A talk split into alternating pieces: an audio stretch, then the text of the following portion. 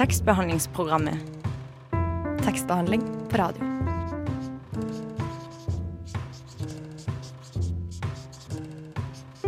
Tekstbehandlingsprogrammet.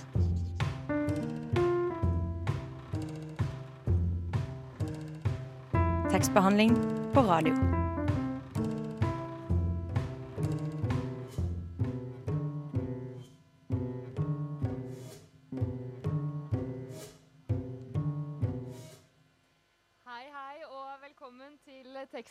Tekstbehandlingsprogrammet denne tirsdagskvelden. Det er semesterstart, og vi har tatt med oss studio ut. Mitt navn det er eh, Mari Nyberget, og ved min side er du, Ørjan eh, Liland. Hei, hei. I dag så får vi besøk av Hør Hører dere? Ja. I dag så har vi fått besøk av Runa Fjellanger, som har skrevet en bok som heter 'På motorveiene'. Og den kommer ut eh, om eh, to uker sånn cirka. Den er i butikken allerede. Ja, den, Hun debuterer i hvert fall med den i høst. Um, men før det så, ehm, skal, så er jo dette her det aller første programmet vi har eh, etter sommerferien. Så jeg skal høre litt med deg, Ørjan. Har du hatt en fin sommer? Jo da, jeg har hatt en ganske grei sommer, egentlig. Ikke det beste været, men helt OK. Ja, Har du lest noen bøker da, i regnet? Mm, lest lite grann. Blant annet har jeg begynt på Neil Gaiman sin um, American Gods. Og den er bra? Er Ja. du fornøyd? Foreløpig er den bra. Eh, hva med deg? Eh, Jeg har lest litt. Grann. Jeg har begynt på eh, Vigdis Hjort sin roman 'Arv og miljø'. Nå har det vært mye debatt om den den siste tiden, og søsteren hennes har kommet med en uh, motroman, for hun har jo skrevet og utlevert familien sin litt grann her. Så, uh, og den uh, Ja, den eh, er bra. du? Ja. Men du, har, du er ikke ferdig med den ennå? Du regner med Nei. å bli ferdig etter hvert? Jeg har den med meg i sekken hver dag og prøver å lese litt på T-banen til og fra jobb, så eh, jeg håper å bli ferdig med den snart.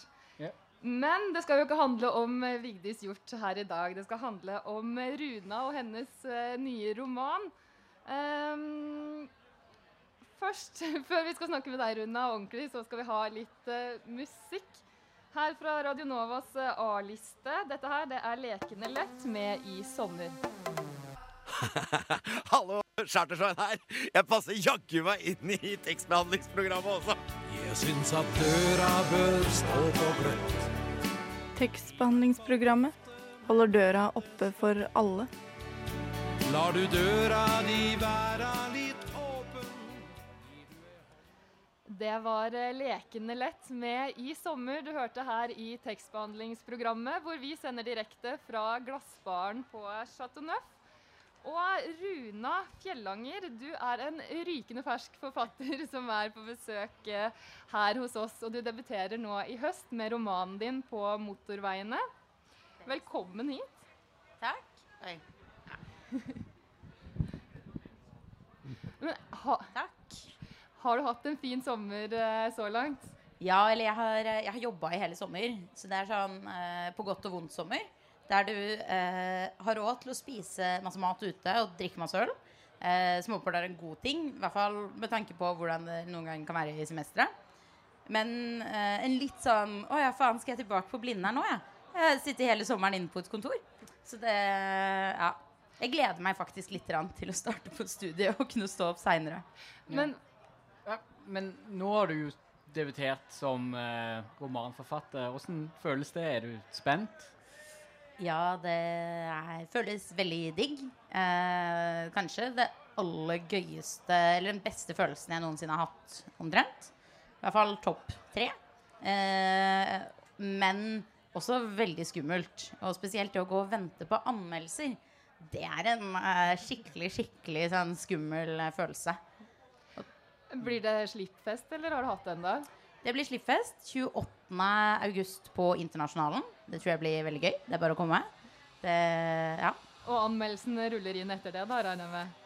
Ja, eller jeg driver og venter nå hver dag. Går inn i liksom sånn ja, retriever der man liksom kan lese alle avisene hvis man er en sånn liten jukser som meg som uh, leser avis på nett istedenfor å betale for det. Uh, og leter og liksom søker opp meg selv da, i håp om at det skal komme ut. Men hittil så er det bare en bokblogger som hatet boken min men mente at litterære forstå seg på det ville elske den. Så det ja, Lover godt. ingen høyder hittil.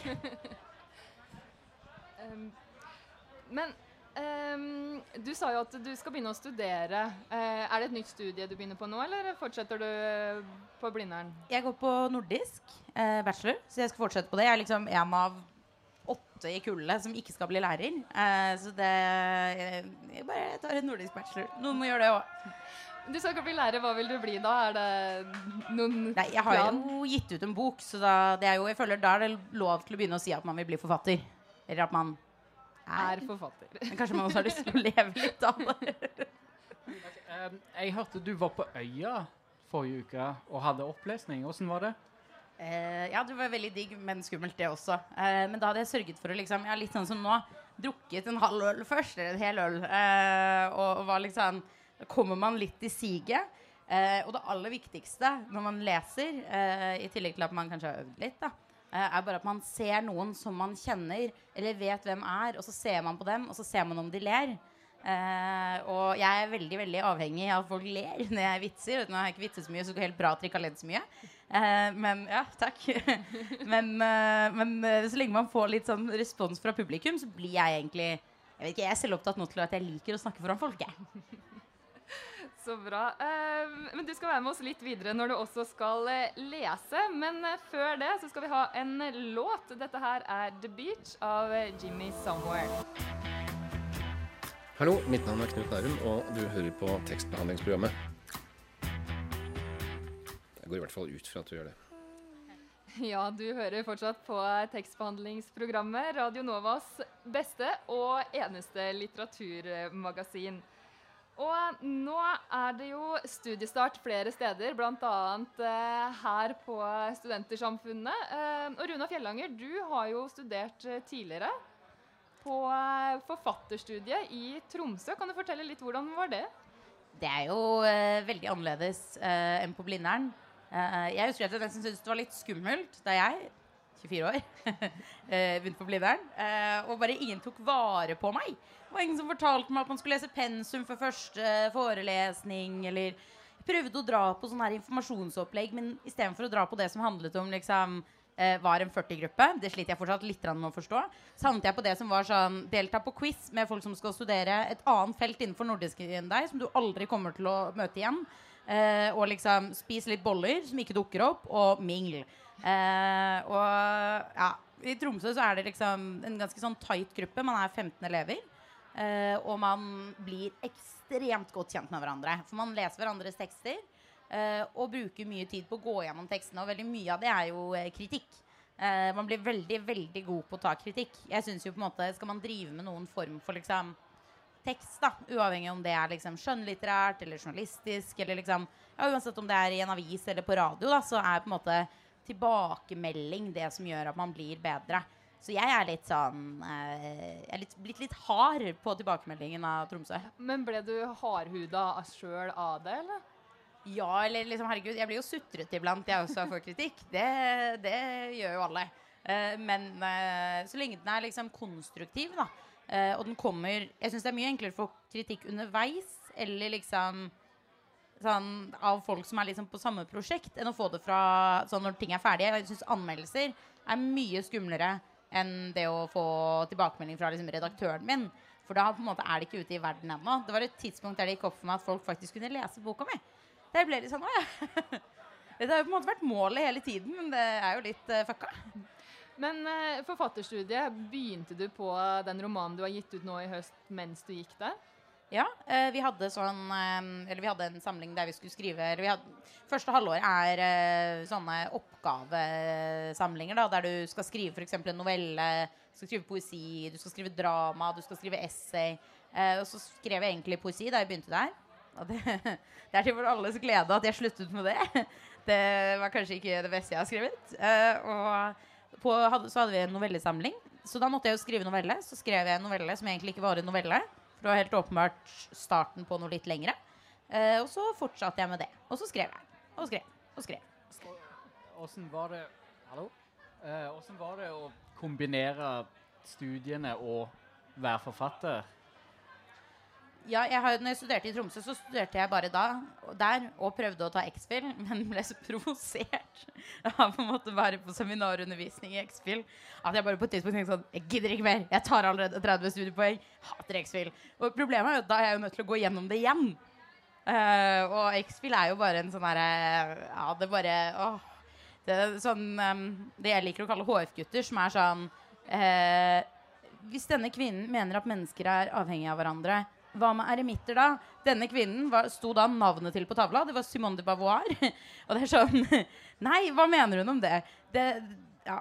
eh, man blir litt gæren av X-Fill. Jeg anbefaler alle å bare bli ferdig med X-Fill og gå videre i livet. Men du er ferdig med det nå? Jeg er jo ikke det. Jeg tok halve og er nødt til å ta det på nytt. Men eh, her for oss i dag så har du jo forberedt et eh, utdrag fra romanen du skrev mens du gikk på forfatterstudiet i eh, Tromsø. Eh, og når du har funnet det fram, så skal du bare få lov til å lese litt for oss. Yes. Etter guttastemning. Elsker guttastemning! Det er meg. Litt jazzing. Eh, jeg leser fra starten, jeg. Jeg føler at guttastemning og denne romanen passer jævlig godt sammen. Eh, men sånn er det bare. Yes. Anna sier at hun ikke husker så mye. At hun ikke husker hvor de reiste. Hun sier at hun ikke husker gresset og sola. Hun husker ikke bilen og campingplassene. Hun husker ikke søvnen og veiene. Hun husker ikke foreldrene foran og seg selv i baksetet. Hun husker ikke å strekke ut setebeltet og snu seg rundt for å se motorveien gjennom bakruta. Hun husker ikke å spørre foreldrene om den er uendelig. Anna sier at hun ikke husker, men hun husker morgenene. Hun husker å sitte på huk, plukke blomster. De er gule, gresset er grønt. Tørt er sola og brent sterkest. Sterk gresset vannes ikke annet enn regnvær. Det regner ikke ofte her. Mellom gresstråene vokser de små gule blomstene som Anna plukker. Smørblomster. Anna sitter på huk, samler blomstene i den ene hånda, plukker med den andre. Foran Anna går gresset over i en åker. Lysegule aks blir bøyd av vinden. Rett bak åkeren ligger det en skog på en lav åskam. Løvtrær, mørkegrønne. Bare et gjerde skiller åkeren og skogen. Anna vender ryggen mot campingplassen hun og familien har sovet på den natta. Hun sitter på huk, lener rumpa mot baksiden av leggene, plukker smørblomster. Hun har lilla buksedrakt med lysegule stjerner på. Hun har brune, praktiske sandaler. Hun plukker smørblomster. Hun ser ned i bakken. Biter seg i underleppa når hun konsentrerer seg. Håret faller ned foran ansiktet. Anna har tjukt og lyst hår i bollesveis, tynne armer, runde kinn. Hun plukker smørblomster til mamma, til pappa. De sover fortsatt på campingplassen. De skal snart spise frokost utenfor teltet. De skal snart starte bilen, rope på Anna. Si at hun må kjappe seg, nå skal de videre. Nå skal de kjøre videre på de sentraleuropeiske veiene, videre på autobahn, autorute, autovies, ny, til nye rasteplasser og nye campingplasser. Anna i baksetet. Hun har bare kastet opp en eneste gang i løpet av turen. Hun er stolt, for foreldrene har sagt at det er veldig bra. Hun sover mye. Hun sover mens bilen glir forbi tollstasjoner, bomstasjoner, landegrenser. Tusen takk. Du har eh, forberedt et utdrag til som vi skal høre etterpå. Men eh, før den tid så blir det mer musikk. Emil Kruse med 'Hørt fra Dig'. Tekstbehandlingsprogrammet. Radio Novas beste og eneste litteraturmagasin. Hørt fra deg av Emil Kruse hørte du her i tekstbehandlingsprogrammet, hvor vi sender direkte fra Chateau Neuf. Og eh, Runa, du har jo tidligere sagt at du eh, begynte å skrive poesi før du eh, ombestemte deg. Men har du noen planer om å gå tilbake til poesi igjen? Nei. Det var ikke noe um, Det er liksom ikke det jeg er god på. Så det Kanskje. Vi får se. Det er liksom ja, ikke, ikke i den nærmeste fremtid, da. Nei. Men Hva er, det, hva er liksom den største forskjellen eller problemet eller utfordringen med å skrive poesi, føler du? Jeg vet ikke. Jeg bare er, er ikke så poetisk. Jeg syns det er eh, Når man skal skrive litt sånn feature-tunge tekster, for eksempel, da, eh, journalistisk, og det skal være mye sånn beskrivelser og sånn til et visst punkt så går det for meg, men så kommer det til sånn Du får tilbakemelding fra redaktør, og det er sånn Men hva gjorde hun? Og så er det sånn Nei, hun satt der, da. Hun lo litt. Eh, jeg er kanskje ikke liksom et sånn Kanskje jeg ikke er et poetisk nok menneske. Ja. Eh, men eh, skriver du på eh, noe nå? Nå har du jo akkurat gitt ut boka di, men er det noen andre planer på gang? Ja, det er det jo, men det henger ikke så veldig sammen ennå. Det er litt fragmentarisk og litt forskjellig form og litt sånn, men det, min skrivemetode er jo egentlig bare å skrive og redigere. Og skrive og redigere. Jeg har liksom ikke noen plan for hvor det skal. Eh, hvor lang tid brukte du på denne romanen? Eh, fra jeg begynte ordentlig med den, til den var ferdig, ca. to og et halvt år. Så det er øh, ganske vanlig tid å bruke på en roman. Men øh, en del lenger enn Vigdis Hjorth bruker på en roman. Men Brukte du hele tida på å skrive? Skre, skrev du fast, eller tok du andre oppdrag? sånn Skri, skriv for deadline, jeg. Uh, det, er derfor jeg har, det er derfor jeg gikk i Tromsø, og derfor jeg må ha en redaktør. Det er noen som uh, venter på en tekst fra meg, som jeg da leverer ca. klokka tre-fire på natta eh, etter den dagen den skulle vært levert. Eh, og som hvis jeg ikke hadde levert, ville blitt sure på meg. Eh, jeg har mye liksom Jeg har lite respekt for autoriteter, unntatt sånn lærerfunksjonen.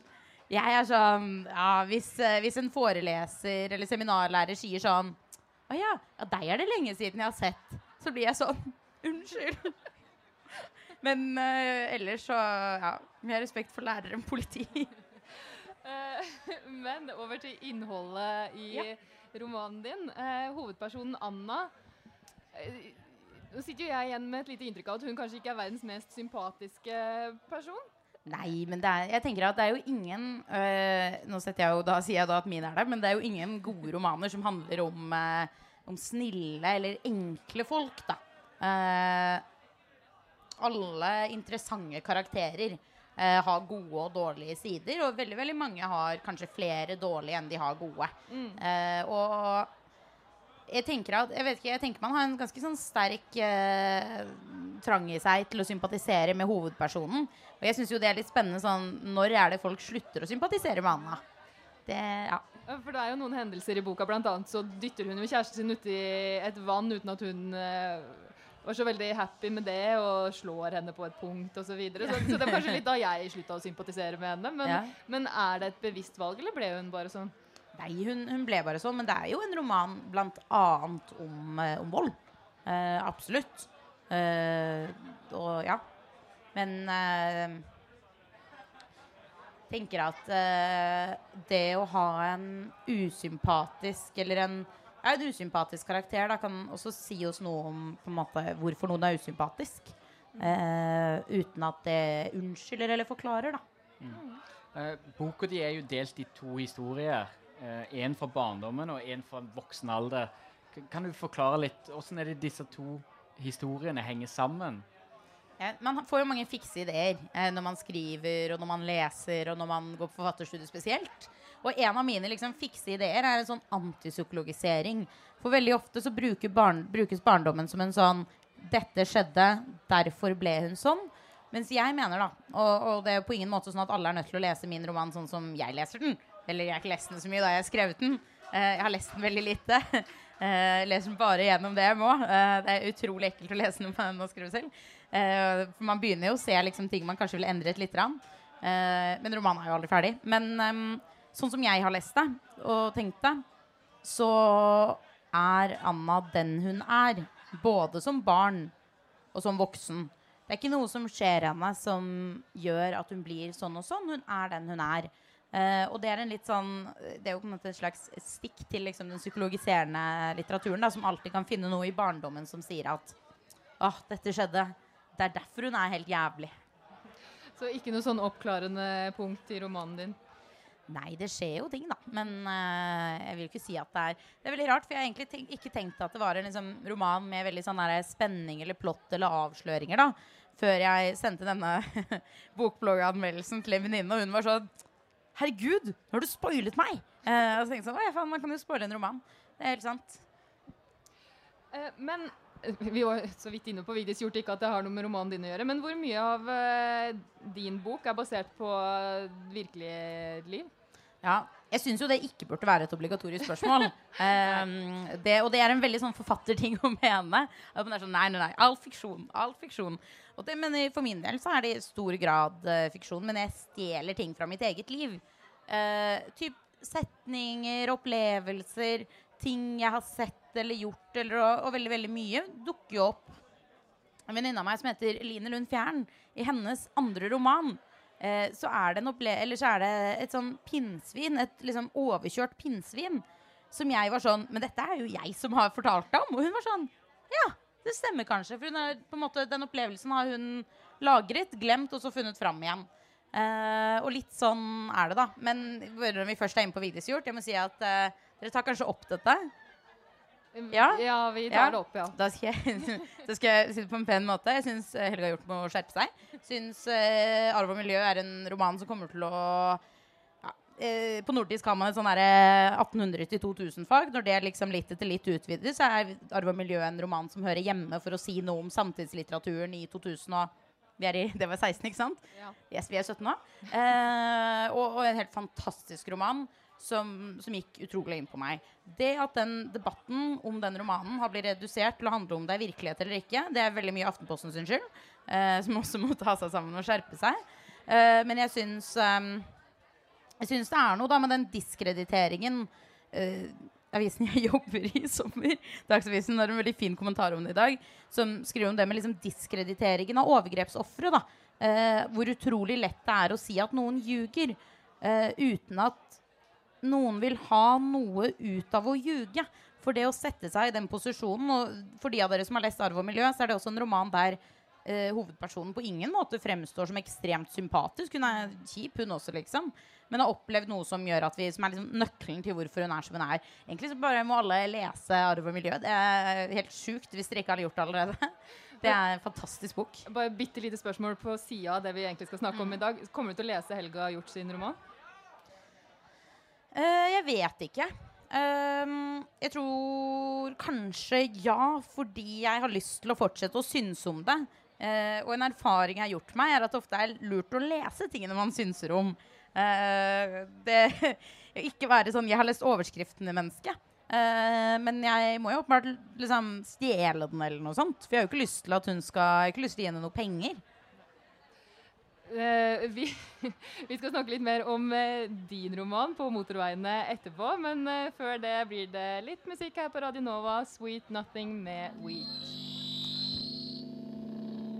En, to, tre. P-R-O-G-A-M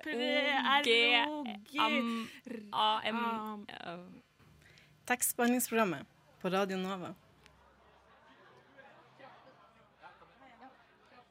Hallo? Der, ja. Kroppen hennes ligger rundt Idas. En arm under hodet hennes, en rundt livet hennes, et bein inntil beina hennes, et bein over beina hennes, hodet tett mot øret hennes, jevn pust. Ida beveger seg forsiktig mellom lemmene hennes. Anna trekker Idas kropp nærmere sin egen. Er du våken, sier Ida. Det er stille i rommet. Anna myser. Det lille lyset som siver inn mellom gardinene, tilsier at det ikke er morgen ennå. Utenfor motellet er sola snart på vei opp. Det er stille på motorveien utenfor. Ingen biler som suser forbi. Ingen biler. Ingen lyder av sterkere, svakere, sterkere, svakere. Ingen lyder fra rommet til venstre. Ingen lyder fra rommet til høyre. Ingen lyder fra resepsjonen. Kanskje står bordvifta fortsatt på. Kanskje durer datamaskinen der borte. Det er for langt unna til at lyden trenger inn på deres motellrom. Nummer seks i rekken. Vinduet står på gløtt. Snart våkner fuglene. Snart våkner vaskepersonalet. Snart våkner motellresepsjonisten. Snart fylles motorveien av biler. Snart suser de forbi motellet. Er du våken, sier Ida. Hun svarer ikke. Det er stille i rommet. Det er stille utenfor. Ida lukker øynene igjen. Anna åpner sine helt. Hun presser kroppen sin mot Idas. Neste gang Ida våkner, er ikke Anna der. Hun er rett utenfor døra til motellrommet deres. Gjennom vinduet ser hun Ida vri seg fra den ene sida av senga, tilbake til den andre. Hun sovner igjen. Anna venter med å gå inn til at hun er sikker på at Ida sover.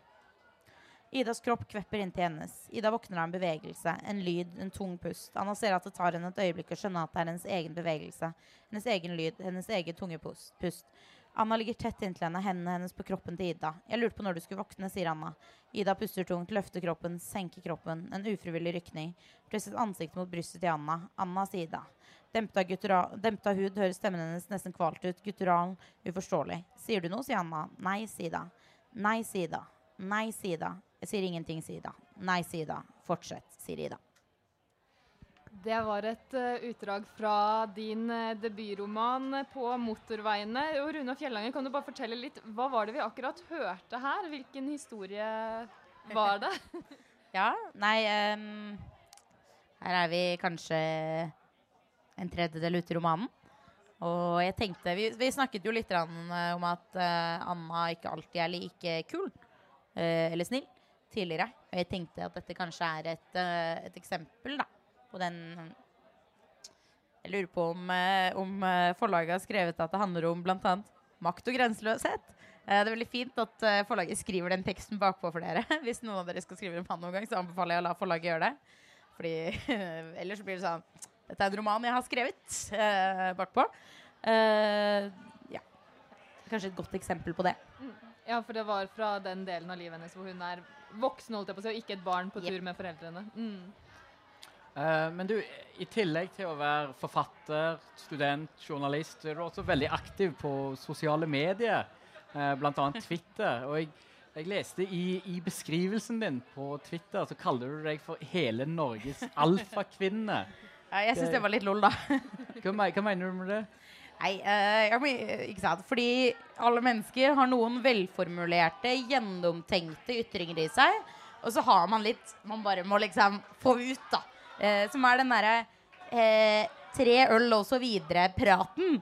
Der man begynner å bli litt ærlig. Eh, og noen ganger så sier man ting som er så drøye at vennene ens blir litt sånn Vi later som om ingen sa noe. Eh, og for å ikke komme dit, da, for å ikke liksom samle opp nok liksom agg og kødd og liksom eh, drøyhet i seg, da, så trenger man en liksom outlet. Og jeg mener Twitter er en veldig god outlet for det. Eh, selv om moren din iblant sier sånn Ja, jeg syns jo du er morsom på Twitter, men det som handler om fitteslikking og sånn, det kan bli litt mye for meg. er det svar? ja. ja. Fornøyd med svaret. Eh, men på, du, du er jo veldig aktiv og har en veldig populær Twitter-konto, men påvirker eh, sosiale medier skrivinga di på noen måte, eller forfatterskapet ditt? Nei, jeg tenker mest at jeg bare Jeg er, er litt sånn type som at iblant så sier folk sånn Oi, shit, du sier alt du sier, du. Nei, du sier alt du tenker, du. Og så tenker jeg sånn Nei, jeg sier omtrent 10 av det jeg tenker. Det, det hadde vært veldig mye verre for alle parter hvis jeg sa alt. Eh, og, og da trenger man litt forskjellige steder å få det ut. Eh, og, og Twitter er et sånt sted da, der man kan få ut sine eh, betraktninger av, eh, av varierende grad, da. Eh, og ja. Men det jeg var på Det er noen ganger så møter du folk, og de er sånn der 'Jeg følger deg på Twitter', og så tenker du sånn Dette er en god eller dårlig ting? Eh, et eh, siste spørsmål eh, før vi skal runde av her. Men på motorveiene, hvorfor, hvorfor den tittelen? Det var på en måte Jeg lurer på om den novellen som seinere ble til, eh, til romanen, het 'På motorveiene'. Og så fjernet jeg tittelen en liten stund. Og så, når vi skulle finne en tittel, så var det ikke noen andre titler som, som dukket opp, da. Og det var litt sånn Det er på en måte det det har hett hele tiden, da. Og veldig, veldig ofte så sliter man veldig med tittel. Eh, men den Ja. sånn, det er jo det det handler om. Eller det er jo ikke det det handler om, men det er der det skjer. Det er der det skjer. Tusen takk for at du kom hit til oss, eh, Runa Fjellanger. Eh, nå blir det litt musikk her i tekstbehandlingsprogrammet. Young Smul med Ung og stinn.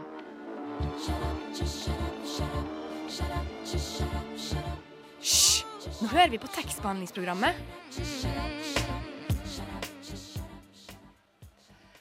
Her i tekstbehandlingsprogrammet på Radio Nova sender vi direkte fra Chateau Neuf, nærmere bestemt Glassbaren.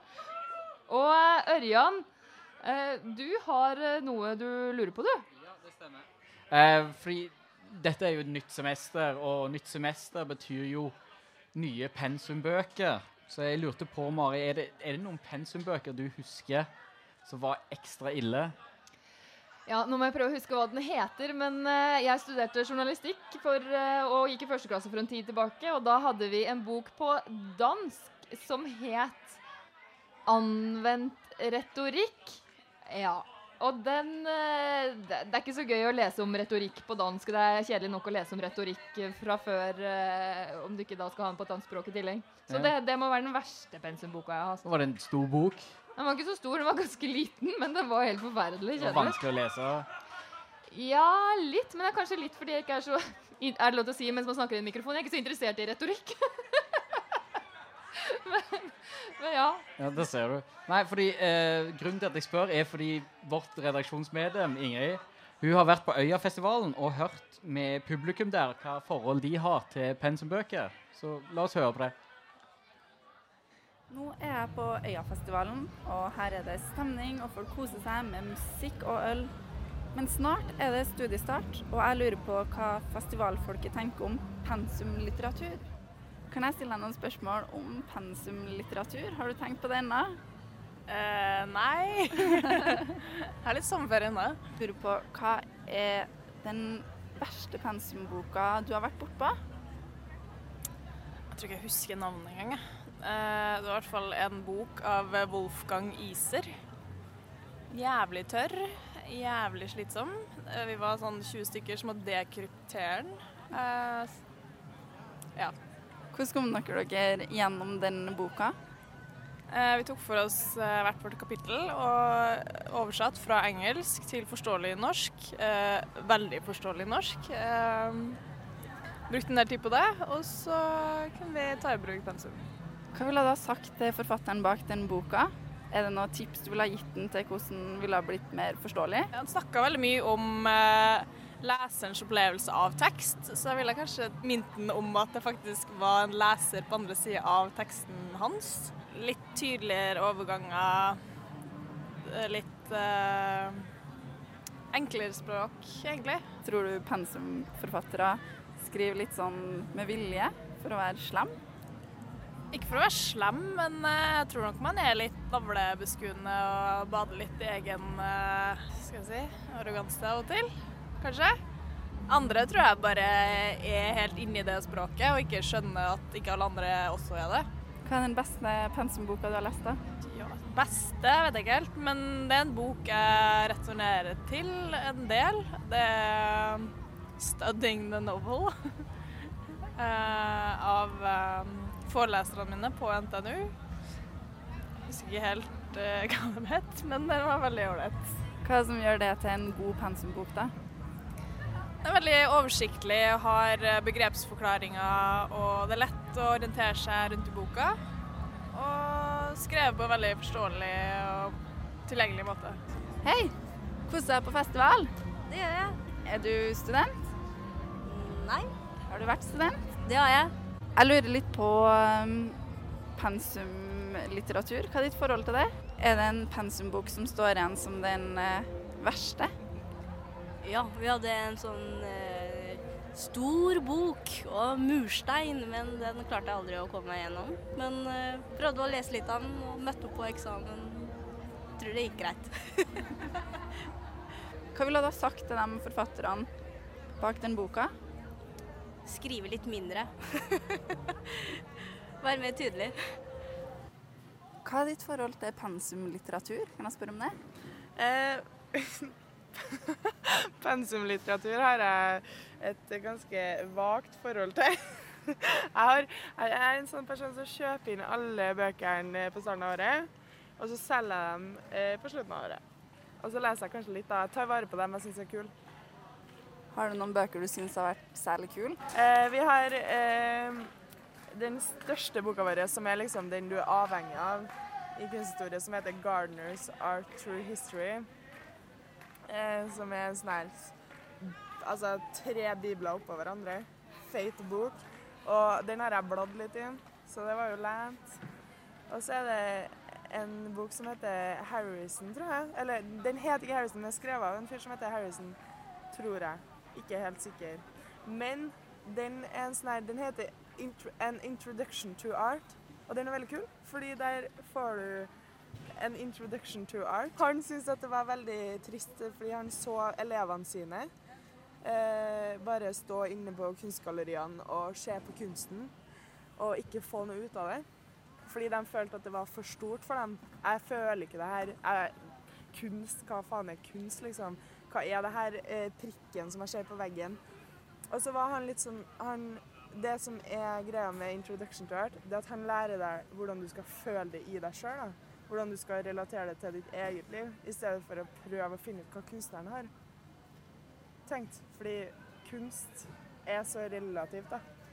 Det er så eh, avhengig av hvordan du har vokst opp, hvordan du har Altså hvilke venner du har. Alt sånn. Det er så, det er så sykt relativt. Altså, folk føler så mye forskjellig. Så den boka er jævlig kul. Hei, du sitter utafor biblioteket her på Øyafestivalen, så jeg regner med at du leser mye bøker, kanskje? Stemmer det? Eh, jeg leser ikke så mye, jeg er her fordi jeg jobber som fotograf på Øya, så jeg må være her. Ja. Har du studert noe for å bli fotograf? Eh, ja. Det har jeg. Eh, da lurer jeg litt på med pensumlitteratur. Hva er den tyngste boka du har måttet vært igjennom? Vi hadde egentlig ikke noe pensum. det var veldig fritt. Det var kunstfoto, så det var, det var ikke noe pensum. Heldig der, altså.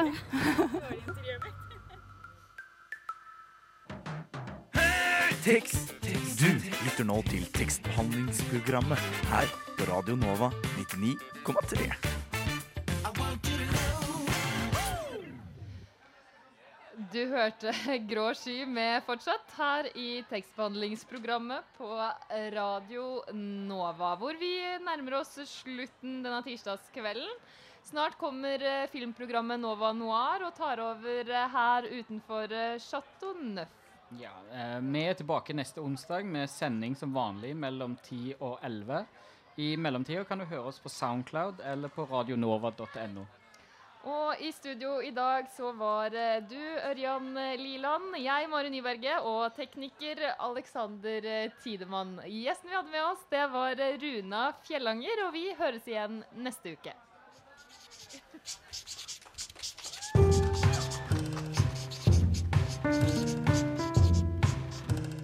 Tekstbehandlingsprogrammet. Tekstbehandling på radio.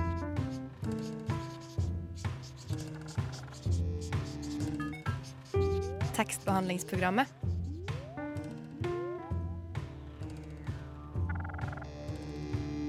Tekstbehandling på radio.